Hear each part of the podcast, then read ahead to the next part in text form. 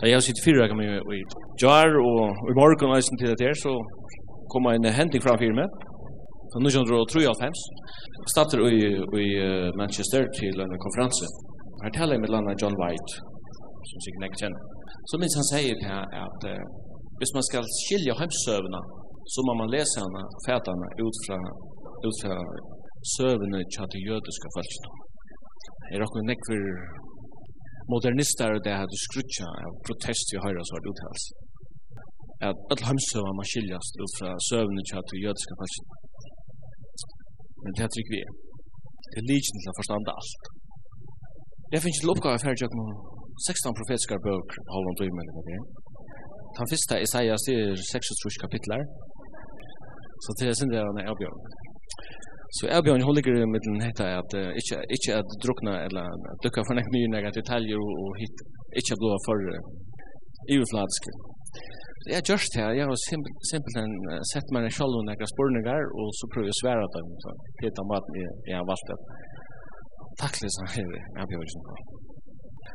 Profetiska bökene, ni ser nu sett första spårningen, kvar är en profet för Det som bara Sverige som bara toppar upp tjocken till till han till han som till han som snackar om framtiden. Till han som säger det här kan hända om man tror sig är Londra. Det är inte det. Det är inte det korrekta definitionen av profet.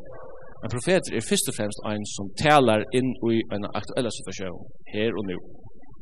Så en profet är först och främst en som talar in i nutiden. Och han ser det som andra inte sådär. Det var tru stor embader som var i gamla testamentet, det var prestar, profetar og kongar.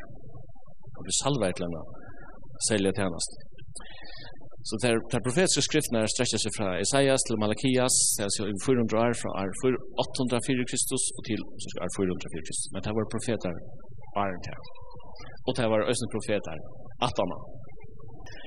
Som er av som profeten kallar for vid fyrtar større profetene, og nei er fyrtar smai profetene. Og det er ikke tog at at tar smai var ganske at det ikkje høyde seg med andalige kapasitet kan man så sige du styrs du, du bedømmer en profet av hos nektar har skriva Johannes Døybaren er jo vi kallar for den største profeten han har ikke skriva men uh, det er nok tog at tar første tar fyra første Isaias Jeremias Ezekiel og Daniel tar tar mer mer som tar skriven tar som kommer at han Jeg kan si så og sist veke at uh, han vil kjøre det her poetiske bøkene. Han sier at uh, poetene som kallar det så oratøysen og hasongren og så gjør at tar få å kunne reflektera medan profetene få å kunne reagera og tar er voldsomme provokerende.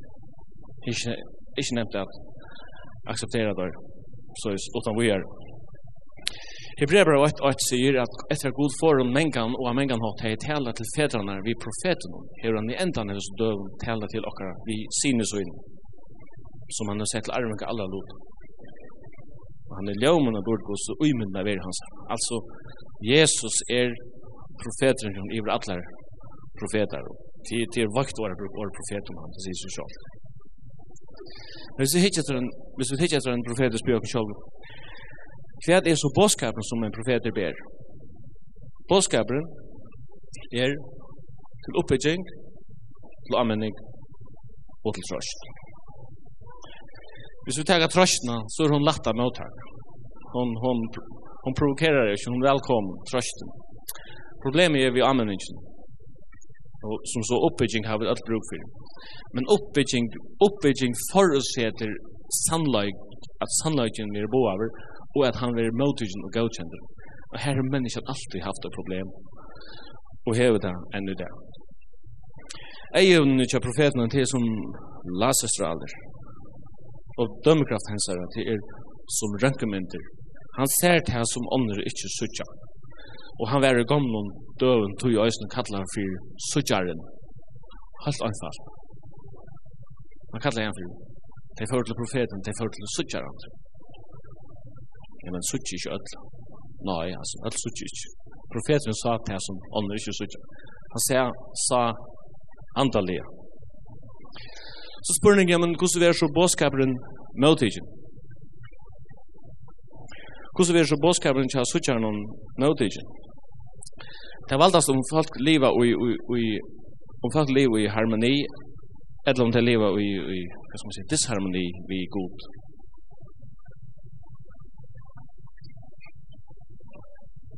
I kvart kunde profeten komma vid en kraftig användning och det blev accepterat. Och är alltså komma med en en kraftig användning och han riskerar att bli fast i fängelse eller i ringa ringas för att vara att vara tidsen av døven, til dripen. David upplevde en profet kom inn til han. Han fortalte en søve som en mynt om kjennende søven om mannen og Hussein Og David ble, som var konger ble så mye over det han sier vid Nathan, tai, Nathan på båskan fram, han sier, Hesse mævren skal dødja. Og så sverar jeg Nathan David at, du er mævren. Det var alvorligt majestetsfornærmelse, så jeg sier vi kongen. Det er to tusen hun fortjent av dødja. Og da kunne jo være vi givet en liten ordre til å finne fjerne om eventuelt likvidere profeten. Profeten stod i fyrir myndløyga, men David innså æsni at han stod i fyrir en legg hakre myndløyga. Hva skal David svære i profeten som han sier, jeg har synda. Så sier profeten, så hever herren æsni tidsi syndtuna bort. Tu skal ikkje dødja. Hetta vi Jeg gjør det vi synder dere han trofast og rettvis. Det er en veldig kraft i bekjennelsen. Det er simpelt enn å lære være vi, å komme vi lenge og sjåforklaring om vi blir egna veiklager og feiler og så videre og så videre. Og så bare, han er med over etter gods hjerte, men ikke fullkom. Du er med over det. Jeg har synder. Men Jeremias gjør det faktisk det samme for kongene her, og han opplevde helt ära reaktion. Jag tvätt ju rum och blev lägga över, ja, han fick, han fick en herre av viffer kan man gott säga. Så imens som bådskapen blir det mot. Innehalt i bådskapen och allt detta till ett kall till omvändning och liva i samfälla vi god. Det är som som människor som levde och i bönens uppfröstret vi god. Och då ska jag främmande godar, det här såg jag ju slöjre ferier. Og det finnes jo bådskapen høyre fra profeten. Men så er det ånder som hilder til at de dyrka og god av sånn, at de dyrka og Jehova av sånn. Men profeten avslører at Guds dyrskan tar av være bare terbere lauter. Det synes jeg vi kan sælge at ja, Isaias, han sier at dette falt mot, dette falt ikke er med vi var noen, men hjertet tar er lekt bort fra meg.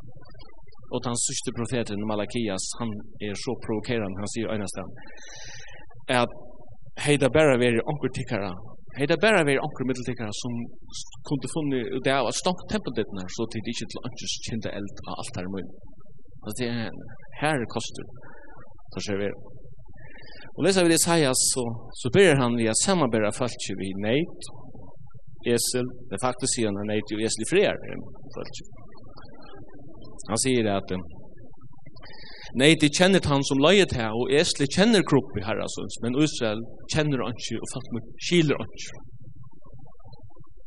Så nei, de og Esli er mer bevisst om han, man sier, den fysiske heimen enn Israels folk er om andre liv realitet. Og så ser man bare løsning vi skøtjer.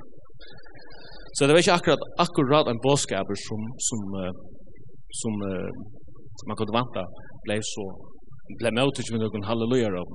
Det var ikke akkurat det man kan råpe.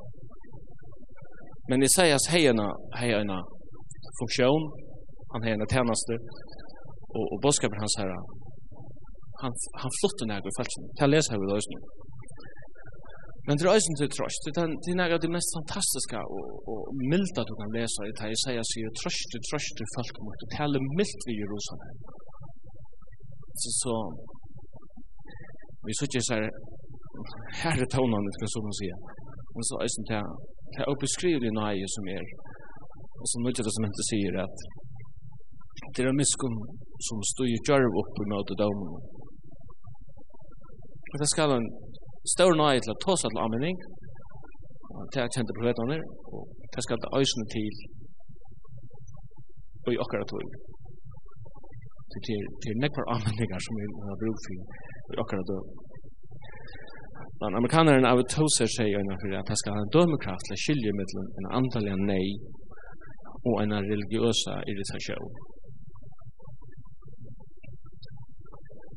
Så det krever en antall av donorskap at tosa aminant til velsen.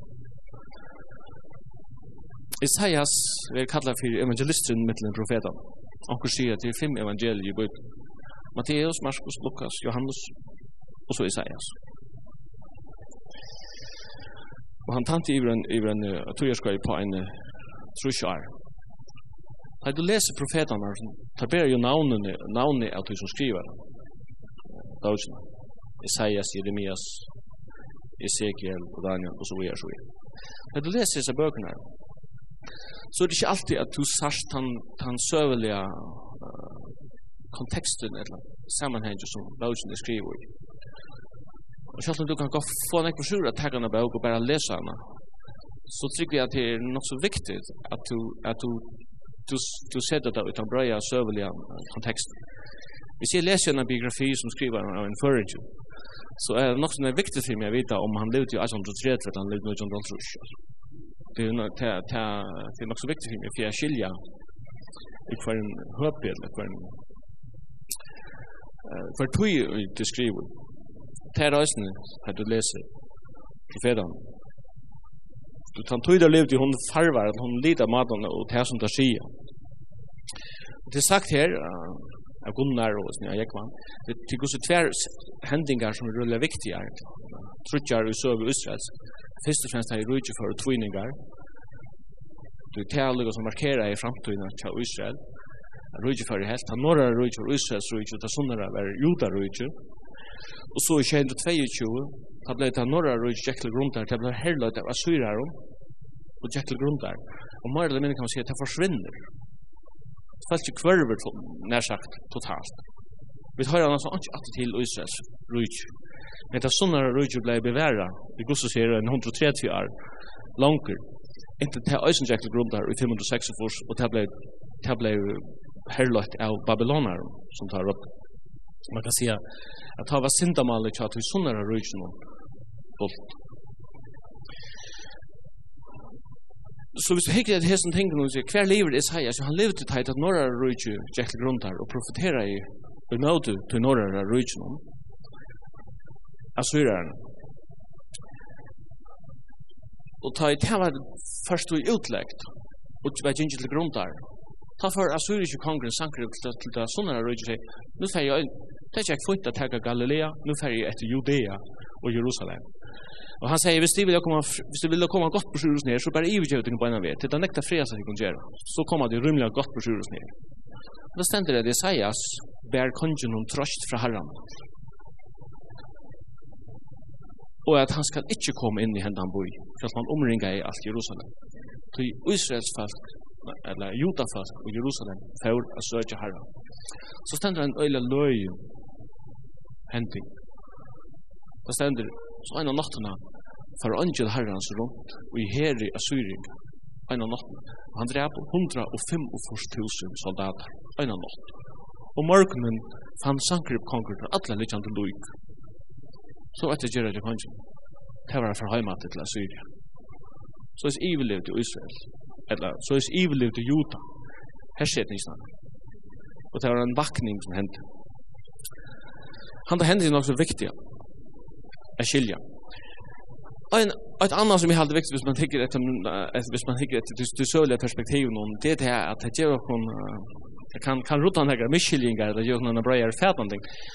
Jeg minnes meg, jeg leit ofte lesa Jonas er bra, og minnes, yngre døv, Jeg forstår det altså, hvor Jonas er så overrønne, altså. Profeter som fyrir inn i en boi, boar omvending, ta folk vender jo om, blev han over. Så spærer god boien, og så spærer det god boien, og så blev man i øynene innan god. Du vet, han spærer den inne ved, og vi ikke vil jo leggja boien. Og så enda Jonas er bare, du stender etter en som kjent, hva gong fyrir seg her, altså. Jag har ångat vita om, om, om predikanter som har vært i øynene av folk vänder om. Det er også et löje perspektiv. Men faktiskt, hvis du leser om assyring, og så får du bare si at det minner vi om å lese om, om japanska hersetningsen av Kina fyrir, fyrir hans bare. Jeg kunne, altså man leser om assyringar, tar kunde per crude människor livet. Så japaner tvätt små på nok, og, og loftet dem i bajonetten og, og så videre. det. er simpelthen så grusomt å lese det, läsa till till allt onan. Och syrer er rønt i at oppfinne en metode hvordan man kan ta et menneske av døven, så läs at det ta døye så spekelig som det har kom till. Det gör pynna för jag gör pynna maximala och lyingarna så lenge som det har kommet. Örste det var at det kommer til at krossfesting ved at han betala tar innført i han og så gjør Det som vi er av, av grikkar og romverjum, inntil romverjum sjolver at enda avskaffa i til metodene, til hun var for og menneskens liv. Det gjør det av syringar. Så syrer er toget av norra rujtju og ladde det i øye, og Isaias tåsar om den norra rujtju i kapitel 90. Han sier, det skal ikke alltid være myrker i landet her som nu endjes rævr, Og ta tås han om Galilea, Sjekon og landet rundt om her. Galilea va. Og i togene som før lagt han vann her i land, Sebulans og Naftal. Men når kommande døven skal han leta komme høyere ut her. at vi falt jo som sier det sa at størstlige oss. Hatta tjekk ut, ta det stender at Jesus kom nu i kraft antans atter til Galilea. Og togene må komme ut om alt land, år sættet. Men Jonas var en av de fave profeten som var attar ur Galilea. Og han visste hva Assyrer hadde gjort. Så da Gud sier vi Jonas, if jeg letja Assyriska høvesteg i Nineve og i øye, så da Jonas som regerer til for neien en alvaldig vaknaver. Og kom til fornuft til tøyene. Men så har jeg også med det her, at han for en dag inn i Nineve og sier på fra herren om at om fjøret det er, skal Nineve være lagt i øye. Og folk reagerer på en av min til å bo av først. En da kreaturen for en syrja. Hvor gjør det det her? Jeg vet ikke, men jeg har ofte hokst denne tanken. Kan det hoksast at jeg minnast at øyne for konsanker på heimater at det her blir juta. Og 145.000 assyriske soldater lau deir rundt om Jerusalem. Og der har hoksast Handan god vil jeg vite kjenne til fyrtjen. Det er bare en tanke fra min. Så jeg kan søve litt perspektiv varspå mer ljøsa, og kanskje vi skiljer synd det bedre hvor Jonas reagerer, egentlig som han reagerer. Og sier at det som Jonas gjør den inne ved det i svære nøglen til å sende en gjøta til Berlin på et 1817 hamspartiet. At han har tøyningsnå 6 millioner av gjøten. Men Isaias profeterar inte bara om sina samtid, han profeterar ösni om om det babyloniska riket som skal koppla til, til assyriska. Han profeterar ösni om det persiska. Tals han profeterar om ting som henta hundra år att han dejer, han profeterar ösni om ting som henta 200 år att han deir. Og moderna granskare har sagt, tar lesa jo, som man säger, tar ju förnuftigt, tar ju rationellt, som man säger, man kan säga i det att händer som säger, det precis till. Så läs huxar eh, det naturalistiska och så kallar jag rationella människor. Det är precis till. Då har sagt, det må vara flöjlig, säger jag, som han skriver till. tui han skriver om samtid och framtid och vi vet så övliga tingen i hänt. Det ut. Som Isaias profetering. Men Jesus citerar här ofta Isaias och han kände bara till en Isaias, inte två hundra trutja. Och i nöjden hundra och tjej i 1924 har fann funnet nekker bedvindrøncher, nekker krukker vid dig Deihau, Och en, en av oss här fann man en Isaias rutle, en perfekta, fullfutja Isaias rutle. Här atler Isaias, atler Isaias er døysen her, skriver vi, Och här är vi her bæra øyn Isaias. Isaias. Og hon stammar fra år 204 Kristus. Og etter øyne deg var det frumrydig til at eldste Isaias og han er mer enn tusen år eldre. Tan Rutland ligger i en betongbunkar i det, i Jerusalem. Jeg vet ikke hvordan jeg kan med om det gjør.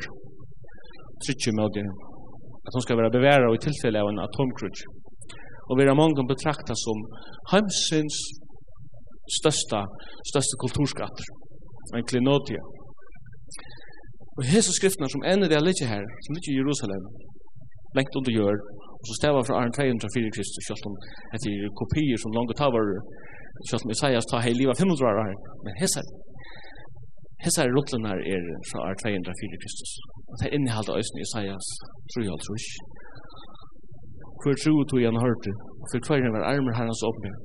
Han rann opp som en veikplant, og som rådkvist turrar gjør. Han var ikke fæver hei unga tur, vi så han, Men han sa ikke ut som vi kunne få takka til hans her.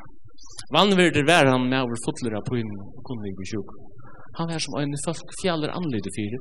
Vi drokna av han fyre ånds. Men det var sjuk rockar han bær, det var poiner rockar han leia seg. Og vi tilte han var heimsøkna, stedna og plava igjen av god. Men han var særlig for bråd rockar og såra for miskjer rockar. Straffen var lagt av han til vi skulle ha fri og vi saren hans her, er vi grønt.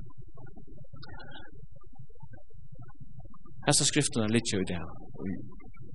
Og til skriver er, hvis festen er ble 200 år av Jesus, brødde sine hender av golvet.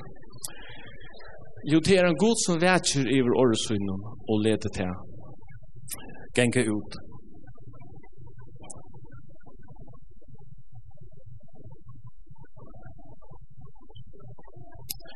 Da jeg vil hitje etter, etter sånne her profetiske boken, så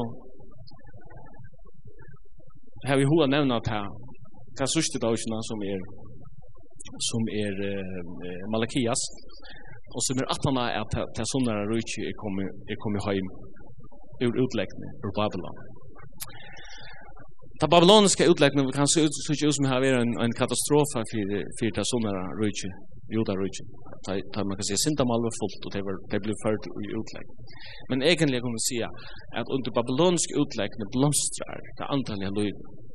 Så jag bär Jeremias och Ezekiel-bøkene skriver uh, eller Ezekiel och Daniel skriver i utlägg och så fløyre av profeten som medan det norra röjtjärn, det får utlägg, det försvinner totalt, så sitter jag, det händer nägg under, under tog sunnare utlägg med Babel. Vad ska jag ha fortälla mer? Det säger man så mycket. Att det är fullkomligt lika mycket hos omstående är tja falchen no. Det det er fullkomliga lukka mig. Jeg vil si menneska ut tog støvet er og her som det er, om det er i Jerusalem eller det er vi egnar i Babel. Hvis det vender om av hjersta og søker god, så er god her. Lukka mig. Og det kom heim at, det kom heim at til, og det bygde tempelet nå ikke, les om det, om Nehemias og Esra. Og god vitja i falskut av nødjo. Men så er det at hundra år er gynnsin, at han har kom heim at, og så har vi den sørste profeten som heter Malakia. Hva er det egentlig hen? Godstyrskan er blivet til at Godstyrskan er blivet til et mekanisk maskinarui som bare køyrer Og det enda er atter i en, i en, i en vana religion som i verløkken er, er ikke andalit innehalt her. Her er ikke kraft, her er ikke liv. Og her enda så gamla testamentet, og det sørste åren er at jeg skal senda deg profeten Elias, Elias Johannes Leida. Og han skal venda gjørstun fedrana til badnene, så er det ikke kommet og slage landet vi bandet. Alltså vanten är alltid mekanisk eller man kan säga att religiöst maskineri utan värligt innehåll.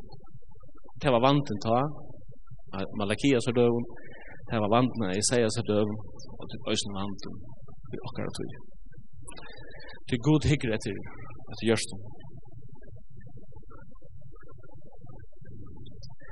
Jag vill lycka nämna det här at ta i så nøkker hundra år genga. Og frelsaren kommer. God hei i forhånd tala vi til fölkje i jøkken profetene, men her vi endan av døven tala til okkar i synen. Ta befinner landet seg under den politiska situasjonen, som faktisk er et ørslut av tøymon ting som er i hend framan mot. Og så les er det ofta det har ofta sagt om fyretøkere og også om politikk der en skjøtten teker iver ja. så sier det ja, ein kurs skjøtten hun bytter her om at hun var fra undan her og gav om skyldninger så ikke stendes vel men så er det nesten vi søver ja. altså nødtøyen er, er et urslit av forskning det var det også i så det som landet var sammensett også etnisk av Jesus her samtidig i Galilea Judea og Samaria mitt i middel. Og så tar vi hos om en rujtjuar fyrir tvinningar fyr, og vi hittir til hver han kommer profetan i gamle testament. Tar kommer nesten allir ur til sunnara rujtju. Hver han kommer tar god røkne kongan i gamle testament. Tar kommer allir ur til sunnara rujtju. Det er nesten anki ljøs a sutja ut til norra rujtju. Det er livet levde falskje æsni på av Jesus samtidig. Så falskje i Jerusalem tar framme fariseerne tar betrakta i galilearar som annan klasse folk, eisne på grunn av at det søvelig, belastande søvelig forskning de hadde blant antallig. Ein av hei, ein, ein av hei, ein, ein farsier hoa tega Jesus i forsvær. Han blei kvetter av, man sier, han blei Da skjedde vi Nikodemus. Er du Galileer? Rannsaka, du fyrir sånn, det er ikke en profeter i Galilea. Altså, les bare. Så sørst du det. Galilea, her kommer ikke godt. Til Judea, god til å overskøy i for.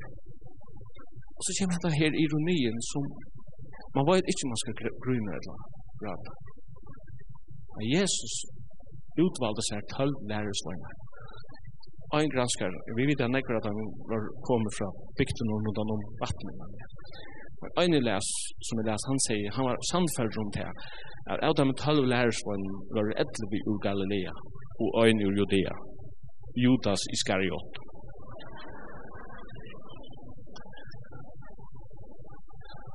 Så det er en halt av fætelir speisenni og ironier som du kan finne på sjuk, som god handler.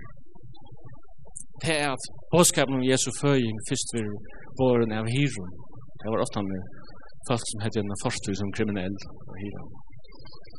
Er bådskapen om opprøst hans er først ble born av kvinnen, altså. Kan man først stille seg nega mor og dit, altså. Et utat vi er mentan. Så jeg ser det, er god. Han gonger imot streimen om man sier, kulturstreimen om, og det som er vana hos og så videre. Han eimutjer til som gjør seg sjølvan størst Og han lytter til opp som kanskje ikke ser i seg selv. Og han samt og Jesus her, så han har valgt seg galileerne og til å være sunne læresønne. Men stender ene sem at han sjøv der at han var løyke, at han var ålærte menn.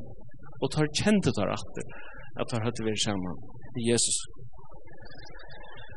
Men det er faktisk som, som frelseren stod i av sinne samtøy. Det var tvær balkar, og det skal lukka som vi er her, her i kom i enda. Det var tvær balkar, han tar fram i fyra. Og det var sadukerar og fariserar. Det var lukka som han sier, høves møtstående. Og det var tvær balkar som stod øyla lengst fra Pernørum.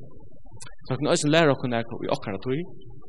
Farisearne kunne vi sia, det var tøy som tror på bøkstaven, som så at alt er leivet tog, men det var blivit en bøkstav utan anda.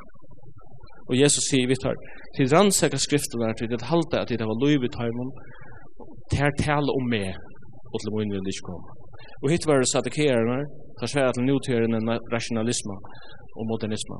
Ta var avskar griskar tankagång. Tro ikke på lov etter deg, tro ikke på enklar, og tro ikke på antar, og så videre. Og Jesus sier vi tar, til vittlast, til de kjenner hverske skriften her, etla mat gods. Vi kunne lære begge skriftene å kjenne, og måtte gods å kjenne, til å ta andan, som heser her, og de galileerne kommer vi. Og skriftene er øya vidt, vidt øya profetene, vidt øya året. Lad dem gøy med det som han er, til en nådige. Og vi tar øyne sier hardt til ham.